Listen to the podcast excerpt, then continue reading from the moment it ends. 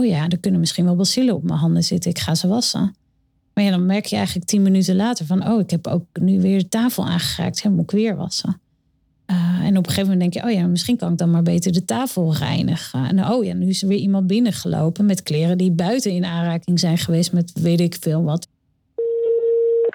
Heeft u een ogenblikje geduld alstublieft? Ik zet u even in de wacht. Eigenlijk niet.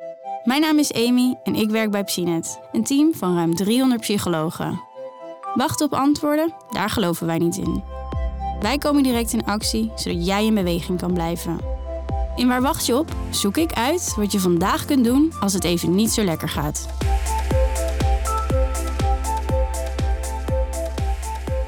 Of we nu willen of niet, allemaal voelen we ergens wel eens angst voor. Maar welke angsten zijn er allemaal en hoe kunnen we daarop reageren?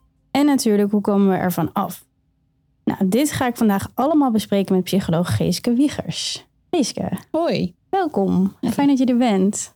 Nou, ongeveer zes jaar geleden uh, kwamen er steeds meer mensen in jouw praktijk met uiteenlopende angstklachten. Ja. Nou, en dat uh, zorgde ervoor dat jij je daar helemaal in bent gaan specialiseren. En dat is ook de reden waarom jij hier vandaag bij mij aan tafel zit. En dat we het gaan hebben over dit onderwerp. Mm Nou, dit onderwerp, eigenlijk iedereen die ik er wel over spreek, uh, zegt ja, ik heb ook wel eens angsten. Ik denk dat het ook voor iedereen wel bekend is.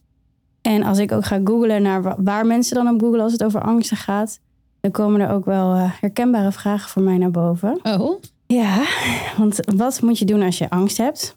Wat gebeurt er in je lichaam bij angst? Mm. Kun je genezen van een angststoornis? Mm. En wat is het verschil tussen angst en paniek? Ah ja. Ja, nou daar gaan we het natuurlijk over hebben vandaag. Oké. Maar het lijkt me goed om te beginnen bij het begin. Ja. Want wat is angst en wat is precies de functie daarachter? Ja, angst, angstklachten zijn natuurlijk een heel breed begrip. Angst heeft eh, wel een hele duidelijke functie, denk ik. Het waarschuwt jou voor gevaar. Het zorgt dat je veilig blijft. En, en wat dat betreft is het natuurlijk een heel goed systeem. En eigenlijk ook een heel belangrijk systeem. Ik, uh, geef zelf altijd wel een voorbeeld um, van hoe angst een beetje werkt in je brein. Ik zeg ja, angst is je alarmsignaal. En die zorgt dat jij leert wat gevaarlijk is en wat niet gevaarlijk is. Dus als je een klein kindje bent bijvoorbeeld en je steekt de weg over en je moeder trekt je zo in één ruk van de, van de weg af. uh, om je te waarschuwen, weet je, dan moet je nog leren. Auto's zijn gevaarlijk. En als er een auto op me afkomt, dan moet ik wegrennen. Oh, heel snel oversteken of heel snel terugrennen. En dan is het heel fijn dat dat dan vervolgens heel direct in je systeem terechtkomt. Dat jij heel snel weet, oké, alle auto's zijn gevaarlijk. En eh, dat je niet nog dat opnieuw hoeft te leren bij vrachtauto's en kleine auto's en grote auto's of rode auto's en gele auto's. Maar het gaat dan gewoon heel snel zo je systeem in. En jouw brein weet voortaan, auto's zijn gevaarlijk. Ja. En dat is ook een beetje een quick and dirty systeem, zeg ik wel. Dat leert heel makkelijk. En dat is ook heel goed dat het vervolgens heel snel gaat. Dat jij dus ook niet, als je uh, op de weg staat en er komt een auto op je afrijdt, heel bewust hoeft na te denken. Oh ja, wat was het ook alweer met auto's? Oh ja, die zijn gevaarlijk. wat moet ik ook weer doen? Uh, nee, je, je bent eigenlijk al overgestoken voordat je zelf door had wat je deed. Of, uh, dus dat is ontzettend handig systeem daar. Ja, maar ik denk ook meteen, soms is dat systeem dan iets te quick and dirty. Want ja, als je in een auto stapt om weg te rijden, dan is het natuurlijk niet gevaarlijk. Maar soms kun je die associatie dan wel weer hebben. Ja, ja. ja en daar uh, vechten we af en toe dus tegen ons eigen uh, systeem, onze eigen, uh, ons eigen overlevingssysteem. Ik vind een mooi voorbeeld ook altijd wel de spinnenfobie bijvoorbeeld. Mm -hmm. um, ja, het is niet ondenkbaar dat het natuurlijk ook ergens in ons oersysteem zit dat spinnen gevaarlijk zijn. Er zijn hele gevaarlijke spinnen op de wereld. Maar hier in Nederland bijvoorbeeld niet. Dus hier in Nederland hebben we er eigenlijk helemaal niks van, niks aan om uh, bang te zijn voor spinnen. En toch is het zo.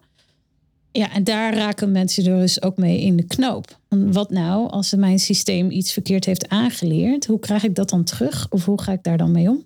Ja, hoe leer je dat af? Hoe leer je dat af? Ja, er ja. komt volgens mij in essentie wel heel veel fobieën en angstklachten en angststoornissen uh, op neer. Maar het, is ook wel, het begint ook wel bij het begrijpen ook wel van je brein en lijf daarin. Dat het ook een essentieel systeem is dat we allemaal hebben. Teruggaan naar de basis en vanaf daar kijken van waar ben ik eigenlijk bang voor? Um, Ja, dat kan, dat kan de vraag zijn. Soms hebben mensen het heel specifiek. Als je dus echt met een specifieke fobie komt. Van ik ben bang voor spinnen en ik wil graag op reis naar eh, Bali. Ja, dan eh, is dat heel specifiek duidelijk. Ja. S- Soms is het wat onbestemder.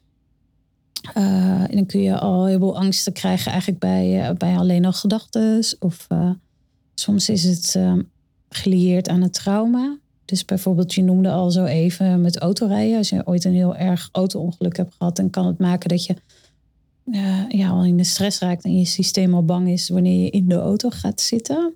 Ja, en zo heeft het eigenlijk een heleboel verschillende vormen. Ja, maar soms is er ook niet echt een duidelijke oorzaak. Want ik heb bijvoorbeeld soms ook best wel hoogtevrees. Mhm.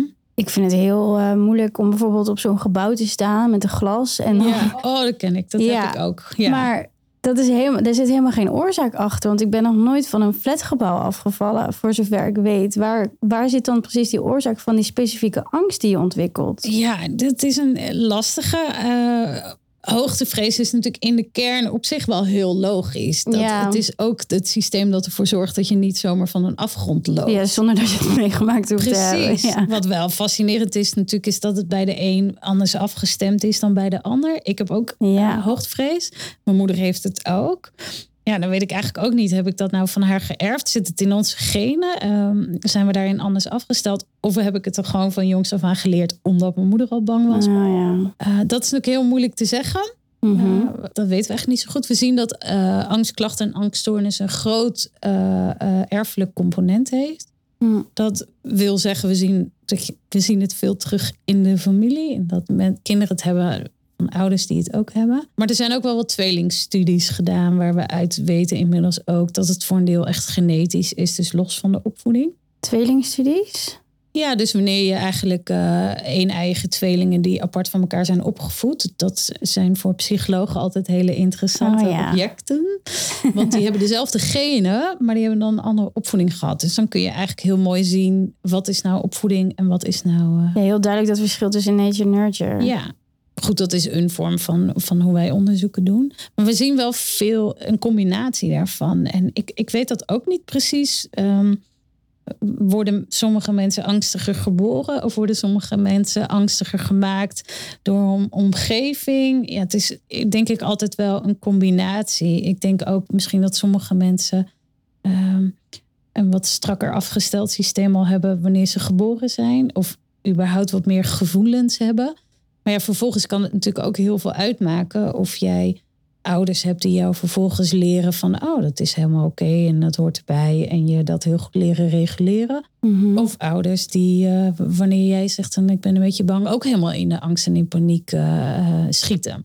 Ja, want ik denk ook als je heel beschermend wordt opgevoed, dat je dan al een soort angstiger wordt opgevoed. Er is heel veel gevaar, dus we beschermen jou, blijf maar hier. Dat Ja. je dan ook. Ja, dat je eigenlijk dan een beetje leert van de wereld is een hele onveilige Ja. plek en je moet heel Ja. erg goed op je hoede zijn. Ga maar niet op avontuur, zeg maar. Ja, precies. Ja. Dus er zijn denk ik meerdere wegen naar Rome. Een hoop combinaties. Eh, want we zien ook wel is mensen die juist eigenlijk totaal ongeremd, eigenlijk heel onveilig zijn opgevoed en helemaal geen grenzen kregen. Ja, dat is ook weer niet goed. Dus die, die kunnen juist ook wel weer heel angstig worden. Er is geen eenduidig antwoord, denk ik, eh, op te geven. Dat vind ik wel interessant. Dus eigenlijk als je dus zo onveilig bent opgegroeid, dat je helemaal die grenzen niet hebt. Of hoe zit dat? Nou, we zien dat. eh, het is soms te handig om dat andersom uit te leggen. Bij, eh, ik zeg wel eens als mensen een, een veilig gehecht zijn, een hele veilige opvoeding hebben gehad.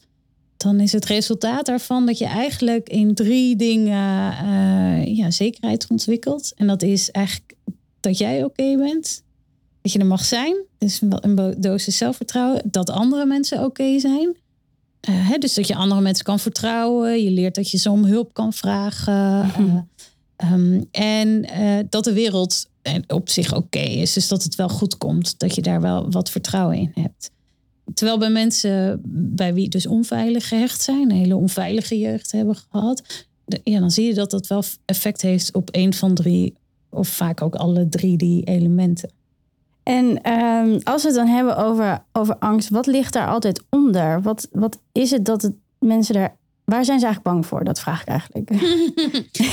Ik weet niet of het, of het heel makkelijk. eh, zo te scharen is hoe ik het zie, wat, wat mij eigenlijk is opgevallen. Er is heel veel verschil, er is heel veel overlap. En heel veel overlap zit voor mij in de angst eigenlijk voor controleverlies.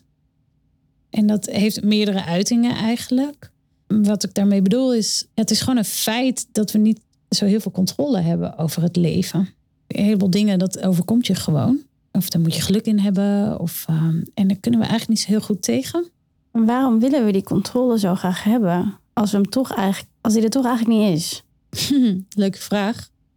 Ik denk, niet, ik denk dat we niet zo goed doorhebben dat hij er eigenlijk niet is. Ik denk dat we ons een beetje wijs maken dat hij er is. Mhm. Ik denk ook dat het ons wijs gemaakt wordt dat hij er is. Eh, dus ik, tegenwoordig vind ik, eh, we leven echt wel een beetje in een soort maakbare wereldidee. Als je maar hard genoeg werkt en als je maar eh, goed je best doet, dan kun je alles en kun je alles worden. En er zijn allemaal plaatjes en ideeën en dat wordt ook wild verkocht natuurlijk. Ja?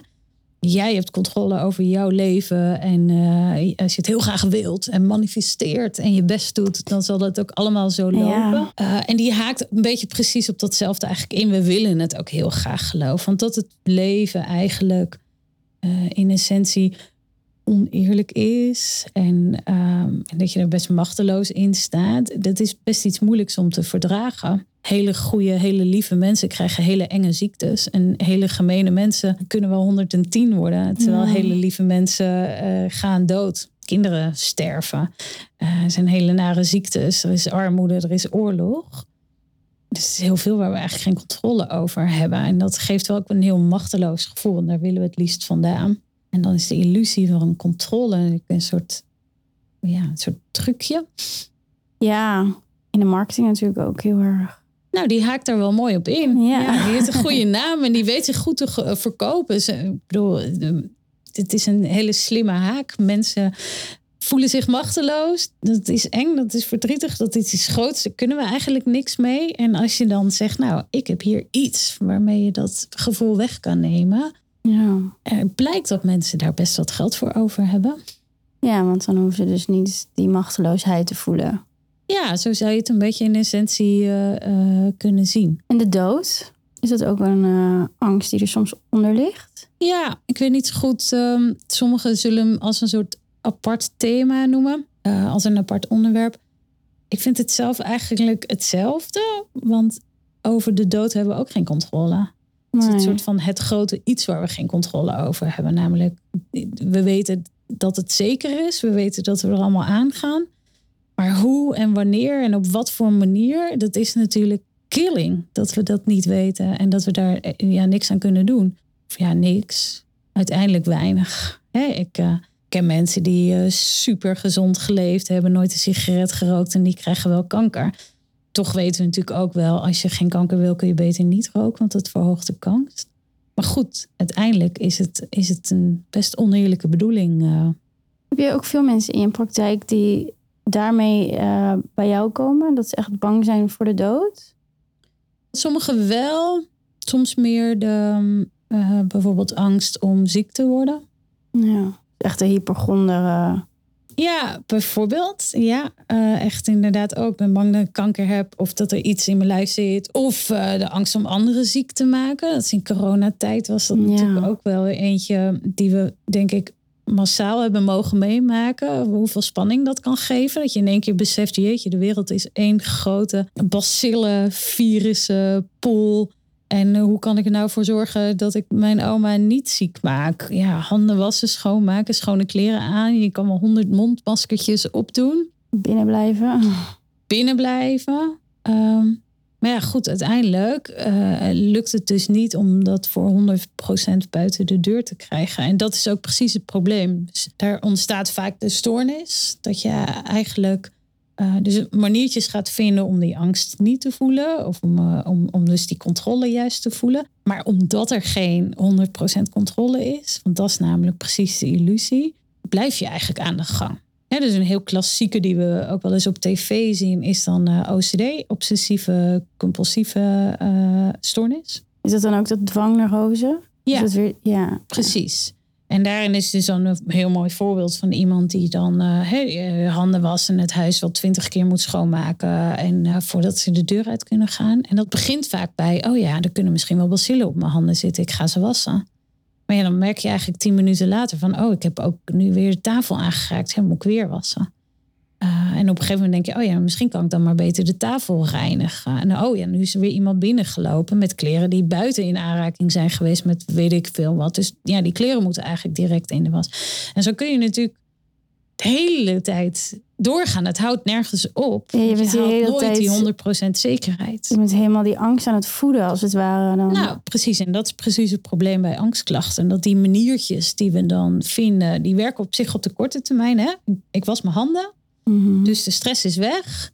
Maar op de lange termijn is er helemaal niks opgelost. En ben ik eigenlijk alleen maar nog banger. En zie ik alleen maar nog meer narigheden. En dan gaat het op een gegeven moment raakt het uit balans. Want nu ben ik mijn hele huis aan het reinigen. en Mijn handen zo vaak aan het wassen. Dat ik niet meer naar buiten ga. Dat ik niet meer mijn werk kan doen. Dat ik niet meer onder mijn vrienden kan zijn. Ja, en, en dat was natuurlijk ook allemaal niet waard. Ja. En eh, een fobie, is dat dan iets heel anders?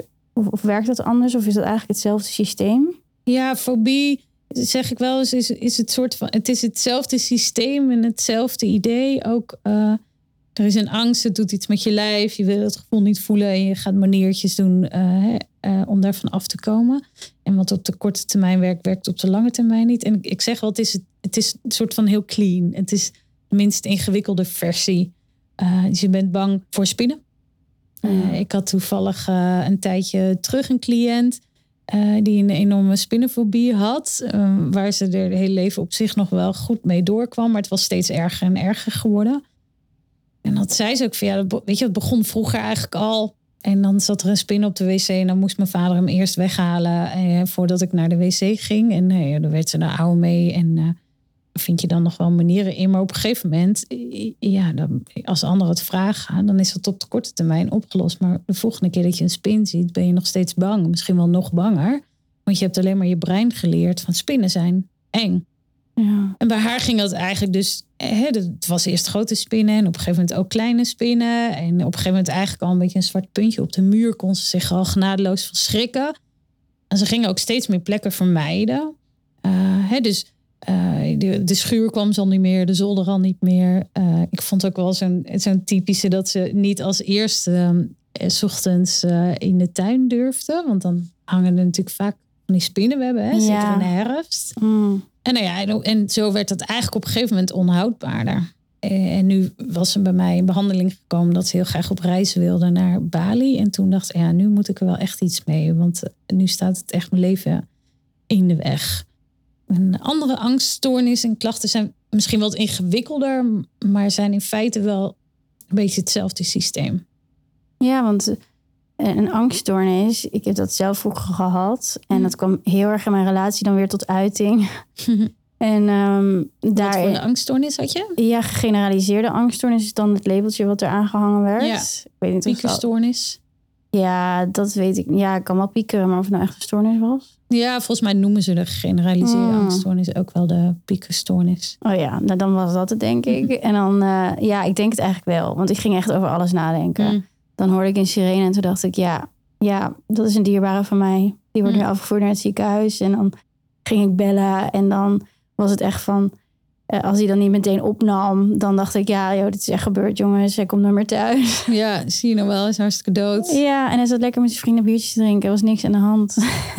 en dat is natuurlijk heel vaak zo, maar dat is wel echt zo'n belemmering in je leven. Ja, ja. Ja, En dan is ook vaak, ik, ik weet niet of, je, of, je, of dat zo bij jou gegaan is, maar dan zien we vaak ook dat eigenlijk de manier wa- waarop je daarmee omgaat, die houdt het ook een beetje in stand. Dus in plaats van eigenlijk gewoon denken, oh jeetje, wat vind ik dat eng en wat is dat eigenlijk erg, dat, dat, dat ik zomaar iemand zou kunnen verliezen. Hè? En wat maakt dat me verdrietig, maar wat maakt het me ook dankbaar dat hij eh, wel een leven is en dat ik zo van hem hou. En in plaats van dat te voelen, gaan we bijvoorbeeld een berichtje sturen. ja. Hé, hey, hoe is het? En als hij daar dan antwoord op geeft, dan, ja, dan krijg je datzelfde effect. Op de korte termijn, die angst is weg. Dus ik hoef er verder niks mee. Hij leeft en ik kan weer door. ja. Alleen de volgende keer dat je een sirene hoort, Is het erger? precies. Ja. Ja, het is nu niet meer zo erg. Oh, maar eh, nee, nee, nee, dat is niet te doen. Ja, nou, nu ik zwanger ben, wel weer. Oké, eh, begint het weer opnieuw. begint het weer opnieuw, ja. Hmm. Of nee, op een andere, andere manier. Want dan denk ik, ja, nee, ik kan hem nu echt niet verliezen. Want nu heb ik hem echt nodig. Oh ja, ja, Dus eh, zo, een ja. beetje. Maar daar praat ik ook wel met hem over. Je En hebt nu dan- andere manieren om ermee om te gaan. Ja, inderdaad wat jij zei net over dat dankbaar zijn. Ik ben al- altijd gewoon dankbaar als je veilig thuis komt. Ja. Ja, wat, zijn eigenlijk nog meer manieren hoe je daarmee om kan gaan? Ik ben wel benieuwd. Eh, nou, eh, ehm, er zijn eigenlijk wel meerdere manieren. Ik zeg ook wel eens, je komt een beetje in een soort vicieus cirkeltje terecht. En, eh, en die zichzelf ook nog eens eh, verergert. En dat is ingewikkeld en lastig. Maar tegelijkertijd zijn er gelukkig ook verschillende manieren om, ja, om erin te haken en het, en het patroon te doen stoppen. Ik denk, wat, wat ik in ieder geval vaak wel doe, is met mensen uitzoeken van wat zijn eigenlijk manieren eh, hoe je het uit de weg gaat en hoe je er nu mee omgaat. Wat zijn daarin foutieve manieren om daar eh, en, en, die proberen te stoppen. Exposure therapie is eigenlijk in alle angststoornissen wel eh, ja, de therapie, de behandeling. Daar kom je eigenlijk niet omheen. Dus dat wil zeggen dat je er echt aan gaat aan wennen. Dat je er gewoon doorheen moet in feite. Dus Hmm. nogmaals, de spinofobie is daarin dan een hele makkelijke om uit te leggen. Ja, dan ga je natuurlijk gewoon in aanraking komen met een spin. Dus ik heb bijvoorbeeld bij die cliënt eerst hebben een plaatje van een spin bekeken. En op een gegeven moment een YouTube filmpje van een spin bekeken. En dan was er eigenlijk nog wel een verschil ik dan de, de laptop vast had of dat zij zelf de laptop vast Oh, had. ja. En zo gingen we eigenlijk een beetje in stapjes tot echt een spin in een bakje in de ruimte hebben. Nou, ik ben niet zo ver gegaan als dat ik een vogelspin heb geregeld. Dat wist ik niet zo goed waar ik dat ook vandaan zou moeten halen. Nou, dat snap ik. Ja, en dat was ook op zich niet nodig. Hè, dus haar wens was ook verder niet, ik wil kunnen zwemmen met vogelspinnen. Hmm. Maar wat je, wat je doet is eigenlijk wel die angst oproepen. En wat je dan wil, is dat je, nou ja, twee dingen eigenlijk. Je wil je brein leren, hey, dit is heus niet zo angstig. Eh, en dat, nou, dat doet hij nou eenmaal het best en het snelst door het te ervaren. Dus heel vaak zeggen ook mensen tegen mij van ja, ik kan het wel gaan googlen en dan erachter komen dat spinnen helemaal niet gevaarlijk zijn in Nederland. En dan zeggen mensen, ja, dat weet ik wel, maar het voelt toch niet ja, zo. ja, herkenbaar, Ja, ja. Dus dat is, je brein werkt daar gewoon anders in. Dus echt die ervaring is, is het beste. Ja, dus ervaren eigenlijk dat je het dus overleeft. Dat, dat het niet veilig is, dat het, of dat het, dat het niet onveilig is, sorry, dat Ja. het veilig is en dat je het gaat overleven. En het tweede wat je eigenlijk ook jezelf leert, is dat jij dat gevoel wel aan kan. Dat angst maar een gevoel is. Dat je niet doodgaat van dat gevoel aan zich. Dat het heel onprettig is, maar dat het ook voorbij gaat. Eh, want dan doen alle gevoelens nou eenmaal. Mhm. Eh, ook de prettige helaas, maar gelukkig dus ook de onprettige gevoelens. Die verdwijnen vanzelf wel weer. En wat we dan zien, als je dat dus stapsgewijs met iets dan weer in aanraking komt, dan, dan kun je dat dus tegelijkertijd gaan leren. En de eerste keer dat ik haar het plaatje liet zien van een spin, was de nou, angst echt nog wel op tien, zeg maar. Misschien wel elf of twaalf. En eh, de, de reageerde de lijf er ook wel heel heftig op. En de tweede keer merkte hij al van, oh, de angst wordt eigenlijk ook wel minder. En zo zwakt het eigenlijk af. Ja. Dus dat is in essentie komen de meeste behandelingen daar wel op neer. Eh, en na de verloop van tijd zul je zien dat je lijf er wat minder op reageert. En dat jij ook zelf hebt geleerd van ja, angst is niet fijn om te voelen. Eh, maar kan het wel aan en het gaat ook wel voorbij. En de keerzijde zit er ook aan vast. Namelijk dat ik met die angst ook heel veel dankbaarheid en liefde en kwetsbaarheid kan voelen. Ja. En ik dacht zelf ook toen je dat verhaal dan vertelde met de spin, dacht ik, zeg maar, als ik het dan terugkoppel naar mijn verhaal, dan dacht ik ook, ik kan het ook gewoon, ik kan ook helemaal in gaan zitten. Ik kan ook helemaal gaan bedenken hoe het zou zijn om hem te verliezen. En dan dat te voelen. En dan alsnog, maar dan hou je jezelf Ja. natuurlijk een beetje voor de gek. is best lastig, Ja, maar dat, kan, dat is op zich eh, natuurlijk in dit geval het nadeel van ons brein. Dat we fantasie zoveel effect op ons heeft. In therapie is dat ook wel weer een voordeel. Ja. Dus het nadeel is, eh, als ik jou nu een heel eh, gedetailleerd verhaal vertel over dat je vriend een auto-ongeluk gehad heeft, dan kan ik je waarschijnlijk wel tot tranen toe roeren. Weet je? Dan kun je echt dat voelen en denken. ja. Nou ja, ouders zullen dit herkennen. Maar mijn zoontje is een, eh, ik denk alweer een jaar geleden heel hard van de trap afgevallen. En als ik, als ik daar weer aan terugdenk, dan, dan gaat mijn hart pompt weer in mijn keel. En dan schrik ik direct. Terwijl er is helemaal nu niks aan de hand. En uh, ja, dat is in een angststoornis ook vervelend. Hè? Dus we, we, kunnen de hele tijd bang zijn voor dingen die helemaal niet aan de hand zijn. Mhm. Die gisteren gebeurd zijn, of nog nooit gebeurd zijn, of nooit hoeven te gebeuren.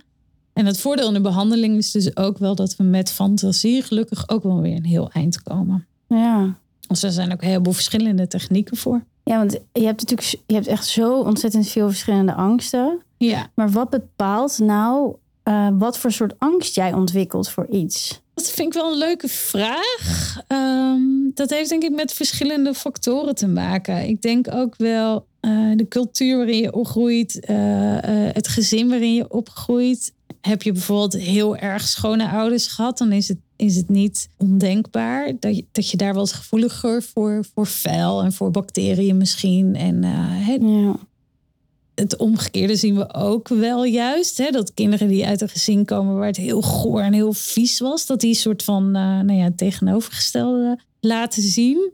Ja, ik, ik, ik weet niet helemaal precies wat daar de factoren achter zitten. Je kan het niet altijd duiden. Maar ik vind het, ik vind het soms als een, uh, ja, een hele interessante. En het lijkt ook wel. Um, een beetje geniepiger ervan. Zo, zo, noem ik het wel eens. Als ik angst soms wel omschrijf als een soort van heel slim monstertje. Dat het ook. Ben je een beetje bekend met angstgedachten? Zeker. uh, en voor, voor, sommige mensen is dat wat uh, onbekender. Dat, we kennen bijvoorbeeld ook uh, dwanghandelingen. Dus mensen die de hele tijd hun hand wassen. Of dat je de hele tijd moet controleren of het gas wel uitstaat. Of de deur op slot is dwanggedachten. Ik zei net angstgedachten en dwanggedachten. Oh ja, wat minder ik ken ze allebei. en dan heb je bijvoorbeeld zo'n voorbeeld van een vrouw die dan in de kerk alleen maar allemaal obscene gedachten heeft over Jezus. Nou ja, als zo'n gedachte bij mij naar boven komt, ik ben niet religieus, dan heeft het niet heel veel effect. Dan moet ik er misschien nog om lachen van wat een gekke gedachte. En dan laat ik het verder los. Maar bij iemand die juist heel streng religieus is, ja, daar blijft het hangen. Want dan ga je daar eigenlijk over nadenken, waar je over nadenkt. Meta mm. erover nadenken eigenlijk. Van, oh jee, wat betekent dat? Misschien ben ik wel zondig, misschien ben ik wel duivels. Of, en zo kan het eigenlijk precies uh, op je kwetsbaarheden en op dingen die voor jou belangrijk zijn, um, gaan zitten. Ja, ik, heb, ik denk dat het wat ik heel vaak heb, is dat dan denk ik, oh, oh, is dit een teken? Of is het een lot? Of is het het lot? Weet je wel? Oh ja. ja. Daar doet me dit, dit een beetje aan denken. Zo van, en dan kan ik daar helemaal in gaan zitten. Oh, dit had niet zo moeten zijn. Ben ik wel op het goede pad of zo? Ja, en Mezelf helemaal... nooit bewezen dat nee. het wel of niet zo is. Of, nee. Ja, dus dat is een lekker haakje. Want Ja. wie gaat jou vertellen dat? En weet je waar dat vandaan komt? Weet je of er... Nou, ik heb me een tijdje heel erg op het spirituele pad bevonden. Oké. En ik, ik vind dat nog steeds wel heel interessant en leuk. En dan ga ik helemaal denken van ja, alles, eh, alles heeft een reden. Mm.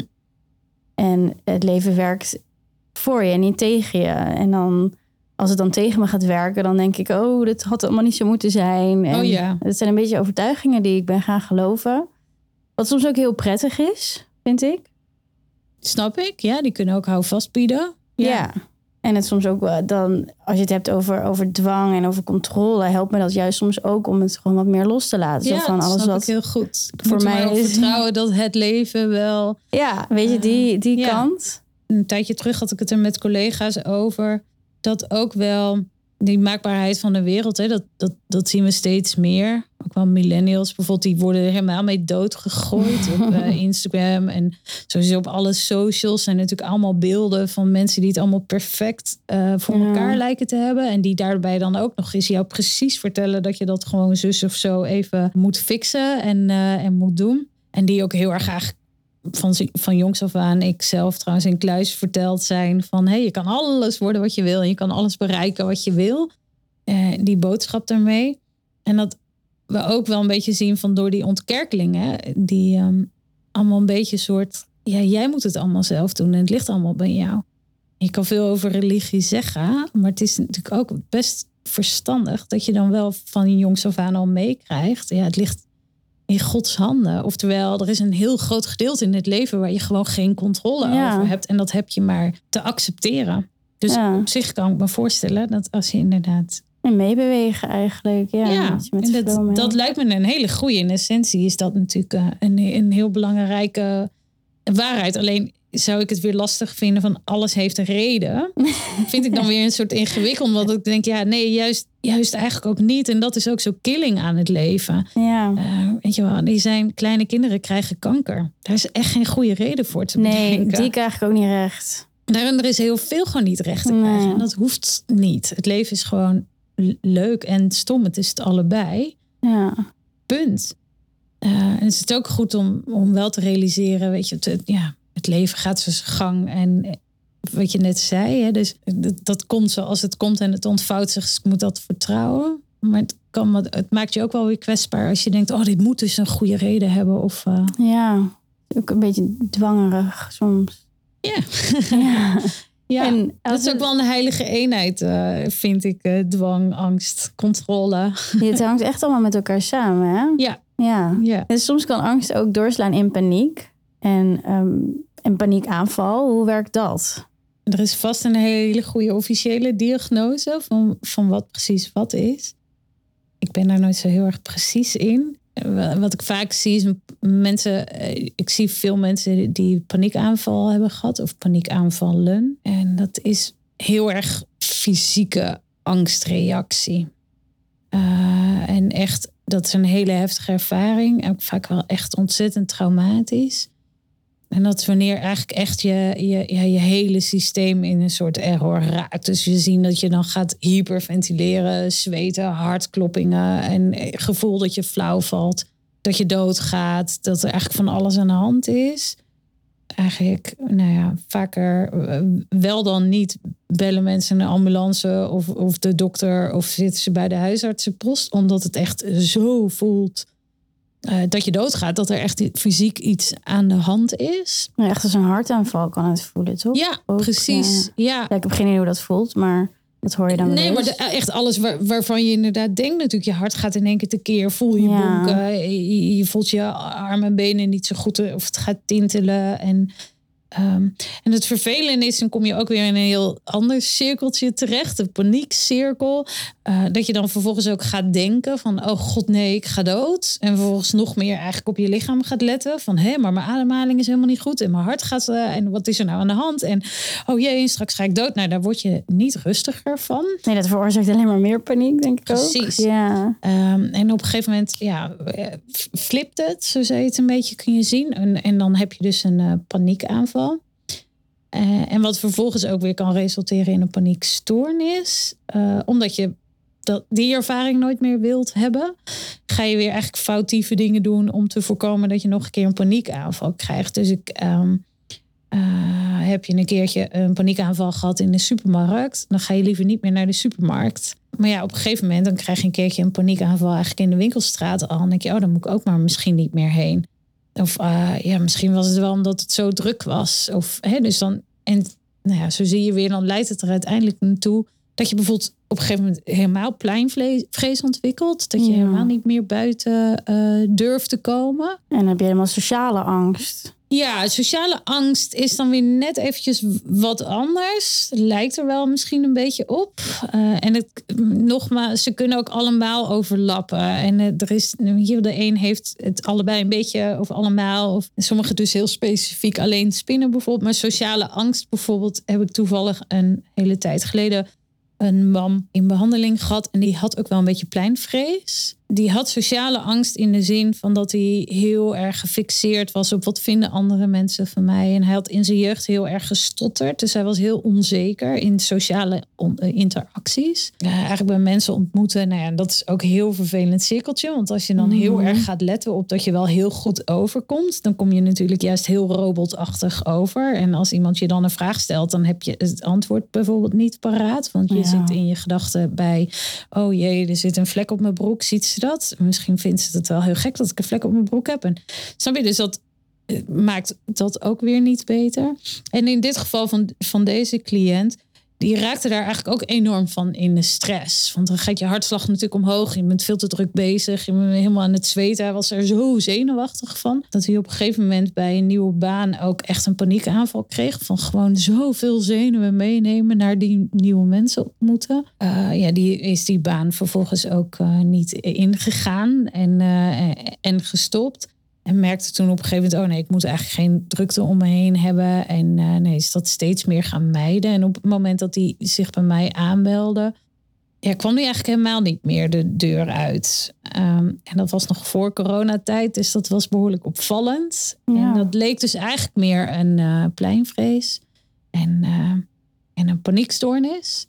En dan bleek eigenlijk, hoe meer we dat afpelden en hoe meer we daarmee aan de slag gingen, dat daar ja, die ontzettende sociale fobie achter zat. Die in dit geval ook een hele duidelijke oorsprong had. Namelijk in het verleden zo gestotterd te hebben. En uh, was, hij was er ook behoorlijk mee gepest. Dus ja, dan snap je ook wel dat dat spanning met zich meebrengt als je mensen ontmoet. Eigenlijk zo logisch. Ergens heel logisch. Ja, ja. ik vind dat ook best wel mooi. En ja, ook wel wrang hoor. Aan angststoornissen en paniekstoornissen en alles daarin eigenlijk. Dat, soort van heel logisch is als je erover nadenkt of als je het uitlegt. Maar het kan een enorme leidensweg zijn. Ja. En, en soms is het ook niet zo heel makkelijk te. Dus ik, ik heb wel eens paniekstoornis gehad bij iemand zijn eerste paniekaanval kreeg toen hij voor het eerst een ecstasy-pil had gebruikt. En die had zich er eigenlijk helemaal niet zo op ingelezen. Dus ja, zijn hartslag ging omhoog en hij was er totaal door overvallen. Dacht vervolgens dus dat hij doodging, dat er van alles aan de hand was. En daardoor werd het steeds erger. En nou ja, moest dus op een vol festival naar de, uh, de EHBO zoeken. Allemaal hartstikke eng natuurlijk. Maar dat is het op zich wel heel duidelijk te benoemen. Van ja, je hebt ecstasy genomen, dus daarvan is je lichaam van, van slag geraakt. Uh, heel vaak is het ook niet zo heel duidelijk te zeggen wat, wat nou maakte dat die ene keer het, het was.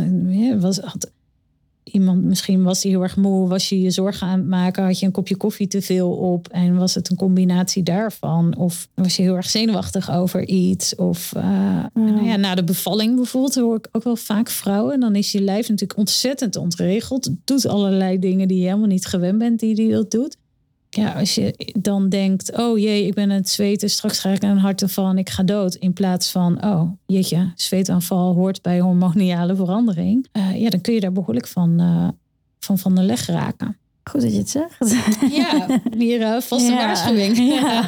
Maar ik ben natuurlijk ook benieuwd, ja, als je dan al deze angsten ervaart, wat, wat kun je doen? Um, wat ik heel vaak zie en ook erg verdrietig vind, is dat mensen lang wachten met hulp zoeken omdat ze zich ervoor schamen. Of omdat je eigenlijk heel lang ja, denkt, nou, het zal wel en iedereen zal het wel hebben. Of het zal er wel bij horen. Of het zal wel aan mij liggen. Of, uh, wat ontzettend spijtig is. Want je kan er gewoon in veel gevallen wel heel veel mee doen en tegen doen. Ja, en in jouw voorbeelden hoor ik ook. Dat is gewoon eigenlijk angst op angst op angst. Je, je komt helemaal in zo'n cirkel, waardoor het dus, je bent het constant aan het voeden. Eigenlijk wel, ja. En het is precies de, de gedra foutieve gedragingen uh, die het in stand houden of ja. die, die het verergeren. En dat, dat uh, ja, kan dus variëren van uh, je helemaal de deur niet meer uitgaan. wat ik ook wel zie is dat bijvoorbeeld mensen dan van de huisarts kalmeringsmiddelen krijgen. En dan op een gegeven moment daar totaal afhankelijk van raken. Wat ontzettend spijtig is, want het is ja, vaak best wel heel erg goed te behandelen ja, door gewoon gesprekken te hebben over waar, waar komt het vandaan, hoe zit het. Door, door te stoppen met die gedragingen, door bepaald gedrag uh, juist meer te gaan doen in plaats van minder. En dat, dat is natuurlijk ook wel ergens doodeng, maar dat kan gelukkig ook in stapjes. En dat kan ook eerst door je fantasie te gebruiken, door imaginaire exposure. Ik vind, je hebt heel veel hele mooie uh, technieken om je echt op je lijf gericht. Dus om je lichaam wat meer te ontspannen. Of juist eigenlijk een beetje dat gevoel kwijt te raken. Hè? Dus wanneer mensen een paniekaanval hebben, is er ook soms heel veel onrust. En dat het ook wel ja, fijn kan zijn om dat er een beetje uit te bewegen. Dus echt letterlijk je lichaam uh, uh, weer een beetje tot rust te krijgen of te uiten. Ja, heel veel cognitieve gedragstherapieën die er echt gericht zijn op nou, wat voor gedachten krijg je en zijn die realistisch of niet? Bij een spinnenfobie gaat dat dan echt over hoe gevaarlijk zijn spinnen nou eigenlijk en hoe groot is de kans dat je in Nederland doodgaat van een spin. Nou, dat is in Nederland gelukkig uh, heel vrij klein. maar ja, bij andere fobieën is dat dan ook nog wel ingewikkeld. Ja, ik kan je wel vertellen dat de kans vrij klein is dat je vriend zojuist is doodgereden door een auto. Maar dan krijg je waarschijnlijk een, ja, maar, Maar dat oh, weet ik ook wel. Ik dacht gelijk, oh, ga je dit gevoel- nu in mijn hoofd stoppen? Sorry. Praat je gelijk wat eh, Ja. allerlei eh, enge Ja. eh, angsten aan. Ja, en dan is het soms eigenlijk ook belangrijk dan juist niet te cognitief te zijn. Dat je denkt, ja, daar kom ik maar zoveel toe. Maar gewoon te realiseren, oh, ja, dat is een angstgedachte. En me daar wat meer te van eh, distancieren. Ik werk zelf veel met ACT, Acceptance and Commitment eh, Therapy. Ja. Eh, en daarbij leer je eigenlijk ook, eh, zijn er veel technieken, veel meditatieoefeningen bijvoorbeeld en andere technieken die erover gaan dat je ja, nare ge- gevoelens leert te verdragen, als het ware. Of als het ware, en het is gewoon precies wat het is. Accepteren. Leren verdragen. hey, hier is die angst, daar voel ik hem. En ik voel hem helemaal in mijn borst en ik voel hem helemaal in mijn buik. Maar hij gaat ook weer voorbij. En ik kan, terwijl ik angst voel, ook gewoon nog steeds eh, naar mijn zoontje kijken. En hoe hij aan het spelen is. En, en nog een kopje koffie zetten ook. En het hoeft niet zo mijn hele leven over te nemen. Dus daar zijn wat technieken in. Als het door echt een trauma geïnitieerd is, ehm, zijn traumabehandelingen eh, vaak heel goed. EMDR bijvoorbeeld. Eh, werk ik zelf heel veel mee. Als iemand bijvoorbeeld een auto-ongeluk heeft gehad. Of nou ja, de eerste paniekaanval. Een ambulance moeten bellen. En, eh, dat is natuurlijk ook heel traumatiserend. Dat is hartstikke eng. Ja. Ja, daar kan het soms ook al heel goed helpen om daar met een EMDR één of een aantal sessies eh, mee aan de slag te gaan. Dus er zijn gelukkig een heleboel manieren ook om ermee om te leren gaan en om het te stoppen. In ieder geval verdraagzamer te maken. Ik, het komt ook gelijk in me op als je dit allemaal vertelt. Het is echt een hele hoop te doen inderdaad. Maar is het echt realistisch om echt zonder angsten te kunnen leven? Nee, tuurlijk niet. Nee, ja, dat moet je ook helemaal niet willen. Hè, angst maakt ook dat je niet met 220 km per uur over een snelheid. Weet je, het houdt ons ook in toom en het houdt ons ook veilig. Het is ook een hele goede raadgever eh, af en toe. En ik denk ook, ja, sommige mensen zijn wat angstiger. Ja, dat is ook gewoon een persoonlijk verschil. Vind ik ook gewoon, ja, hoort er nou eenmaal bij. We zijn allemaal een beetje anders. Dus nee, het is helemaal niet realistisch om totaal eh, zonder angst te leven. Ik vind het ook wel eens fascinerend hè, dat, je, dat je van die mensen ziet die. Nou, wij hebben bijvoorbeeld allebei hoogtevrees. En er is een hele mooie serie op, eh, op Netflix van zo iemand die dan gewoon zonder harnas hele hoge bergen beklimt. Ah, ik vind dat eindeloos fascinerend dat hij Oh, dat echt? gewoon Kun je kan. kijken? Terwijl ik dat verschrikkelijk vind. Ja. Maar ja, de keerzijde vaak van mensen die heel weinig angst ervaren... is dat ze ook heel veel nodig hebben voor een beetje een adrenaline rush. Dat die zich ook heel erg snel vervelen. Dus het is eh, fascinerend, vind ik. Ja. En interessant, maar helaas is het in ieder geval niet mogelijk... om totaal zonder angst te leven. En ik denk ook niet dat je dat zou moeten Nee. willen. Maar mooi, we sluiten hem af met de ingestuurde vraag. Ja hoor. Hallo, mijn naam is Nikki en ik heb een eh, paniekstoornis. En eh, ik vroeg me af, wat moet je doen als je je lichaam niet meer onder controle hebt?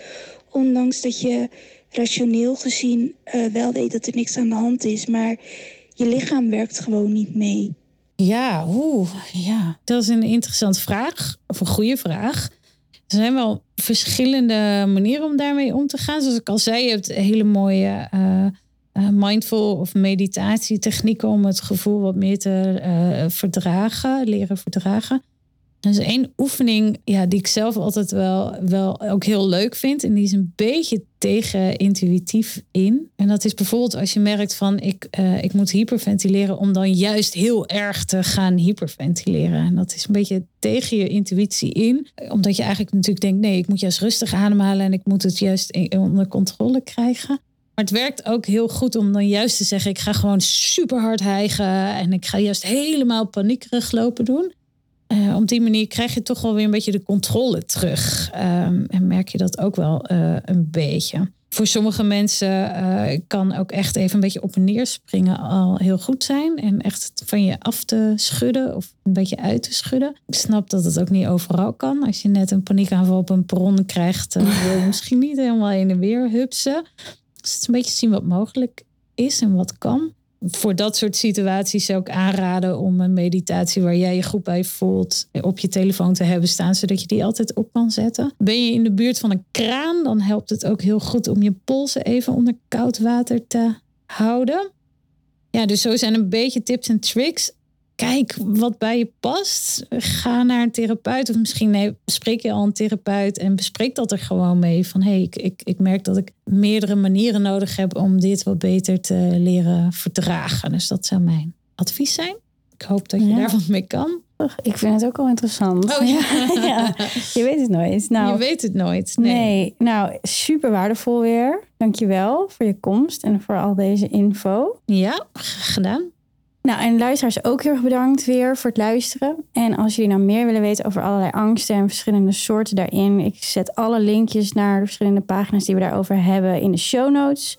Ook het profiel van Geeske zet ik daarin. En mocht je nou twijfelen, heb ik een angststoornis, dan hebben we hier ook een angsttest voor. En die zet ik ook in de show notes.